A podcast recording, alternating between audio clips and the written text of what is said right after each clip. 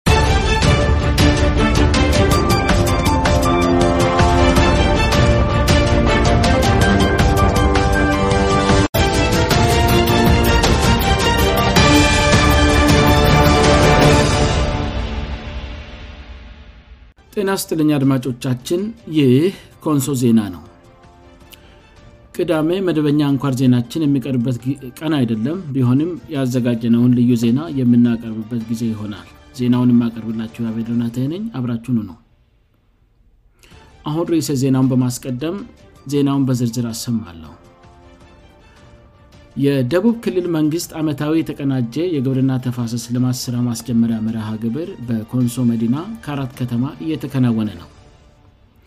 የደቡብ ክልል ርሴ መስተዳድር አቶ ርስቱ ይርዳው በተገኙበት የክልሉ የተቀናጀ የግብርና ተፋሰስ ልማት ማስጀመሪያ ምርሃግብር በኮንሶ ዞን መዲና ከአራት ከተማ በመከናወን ላይ መሆኑን የዞኑ መንግስት በኮሚኒኬሽን መስሪያ ቤቱ በኩል አስታውቋል በመረሃ ግብሩ ላይ የክልሉ ርሰ መስተዳድርን ጨምሮ የክልል ከፍተኛ ባለሥልጣናት የሁሉም ዞኖች ከፍተኛ ባለሥልጣናት እንዲሁም የወረዳዎች የፊት አመራሮች በመረሃ ግብሩ መታደማቸው ታውቋል የኢፈድሪ ግብርና ሚኒስቴር ሚኒስትር ዴታ ፕሮፌሰር እያሱ ኤልያስም በአሁኑ ሰዓት በካረት ከተማ ላይ በሚካሄደው የግብርና ተፋሰስ መርሃ ግብር መታደማቸው ከመንግስት ኮሚኒኬሽን መረጃ ለማወቅ ተችሏል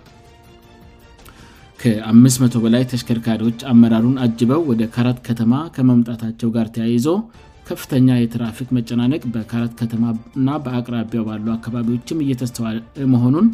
ከአካባቢው የሚወጡ መረጃዎች ያመለክታሉ ይሁንና በአሁኑ ጊዜ በካራት ከተማ ላይ እየተካሄደ የሚገኘው ስብሰባና ወደ አካባቢው የመጡ ተሽከርካሪዎች ብዛት ጋር ተያይዞ የተለያዩ አስተያየቶች በመሰጠት ላይ ይገኛሉ ጉዳዩም በአዎንታዊ ጎኑ የተመለከቱት ይህን የይል ብዛት ያለው አመራርና ተሽከርካሪዎች ከመላው የደቡብ ክልል ዞኖችና ወረዳዎች ወደ ካራት ከተማ መምጣታቸው የከተማውን ኢኮኖሚ በከፍተኛ ሁኔታ ይደግፋል ያነቃቃል አካባቢው ላይ ሰላም መኖሩን ዜጎች በነፃነት መንቀሳቀስ እንደሚችሉም ለዓለም ህዝብ ማሳያ ይሆናል የሚል አስተያየት ሰጥተዋል በተለይም ኢትዮጵያ ውስጥ መረጋጋት የለም እንደዚሁም ደግሞ ኮንሶ የግጭት ቀጠና ነው ለሚሉ ሰዎች አካባቢው ሰላማዊ ስለመሆኑ የማሳያ መልካም አጋጣሚ ነው ይላሉ በሌላ በኩል ደግሞ ክልሉ ከዚህ በፊት ከኮንሶ ህዝብ ጋር ካለው አሉታዊ ግንኙነት ጋር በተያያዘ ከመኪና ጋጋታእና ስብሰባዎችን ለማድረግ ያህል ብቻ ወደ ኮንሶ ከመምጣት ይልቅ ክልሉ የኮንሶን ህዝብ መሰረታዊ ጥያቄዎችን ቢፈታ ለኮንሶ ህዝብ ተጨባጭ ፋይዳ ይኖረዋል የሚሉ አስተያያት ሰጮችም አልታጡም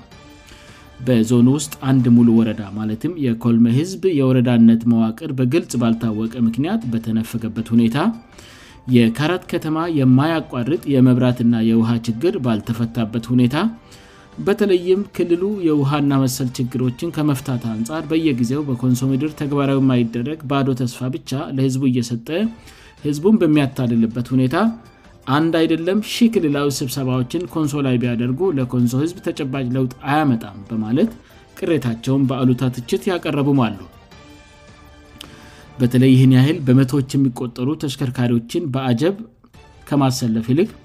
ለመኪናዎቹ ነዳጅ የሚወጣውን ወጪ ብቻ በመቀነስ ክልሉ በተደጋጋሚ ተስፋ ሲሰጥበት የነበረውንና የማይተገብረውን የካረት ከተማ ህዝብ የውሃ ችግርን መፍታት ያስችለዋል በማለት በማኅበራዊ ትስር ገጾቻቸው በኩል የግል መልከታቸውን እና ትችታቸውን ያቀረቡም አልታጡም ምንም እንኳን ስብሰባው ስለተለመደ ና መደበኛ ስለሆነ ዓመታዊ ግብርና ስራ ቢሆንም የኮንሶ ዞን አመራር ከግብርና ውጥ ስብሰባ ጎንለጎን የኮልሜ ወረዳን ጉዳይ የካረት ከተማ የውሃና የመብራት ችግርን ጉዳይ እንዲሁም ከዚህ በፊት በነበሩ ችግሮች ምክንያት ሳይከፈል የቀረውን 54ሚሊየን የሰራተኞች ደሞዝ ጉዳይ ላይ ከክልሉ ርእሰ መሳደር አቶ ሬስቱ ይርዳው የልውካን ቡድን ጋር በጎንዮች ውይይት ማድረግ ይጠበቅባቸዋል የሚሉም አሉ ለውጥ መምጣት ካለበት ከዚህ በፊት ሲሰሩ የነበሩ ስራዎችን በአጀብ ማሟሟቅ ሳይሆን የህዝብን ህይወት በተጨባጭ በሚለውጡ የህዝብ ጥያቄዎች ላይ የክልሉና የዞኑ አመራር ትኩረት ሊያደርጉ ይገባል ስሉ ኮንሶ ዜና ያነጋገራቸው አስተያት ሰች ተናግረዋል ይህ ኮንሶ ዜና ነው ልዩ ዘገባችን በዚያ ያበቃል ደህና ሁኖ